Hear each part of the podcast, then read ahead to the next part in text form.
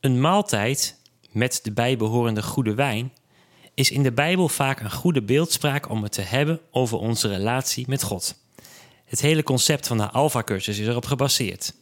We zien het in de geschiedenis van Zacchaeus, maar ook bijvoorbeeld als Jezus na zijn opstanding vis zit te eten met zijn discipelen en met Petrus een onvergetelijk geloofsgesprek heeft. Meer nog zien we het in het instellen van het avondmaal, waar Jezus ons leert om Hem te gedenken in brood en wijn. En wat te denken van Psalm 23. U nodigt mij aan tafel voor het oog van de vijand. Of Jesaja 25, een prachtig gedeelte. Op deze berg richt de Heer van de hemelse machten voor alle volken een feestmaal aan.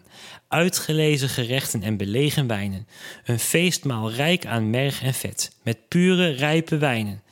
Op deze berg vernietigt hij het waas dat alle volken het zicht beneemt. De sluier waarmee alle volken omhuld zijn. Voor altijd doet hij de dood niet. God de Heer wist de tranen van elk gezicht. De smaad van zijn volk neemt hij van de aarde weg. De Heer heeft gesproken. In dat kader is ook de geschiedenis van de bruiloft in Cana, zoals we die in Johannes 2 lezen, meer dan het eerste wonder dat Jezus op aarde verrichtte. Het zegt iets over A. Gods plan met ons leven en B. iets over God zelf. Allereerst Gods plan met ons leven.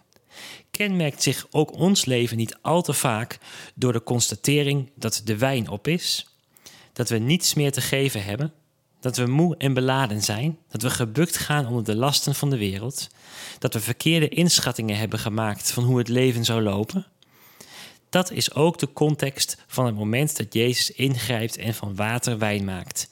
Hij is in staat van de chaos in ons leven en ons gebrek aan planning en organisatie toch iets moois te maken. En dan wat het zegt over God zelf.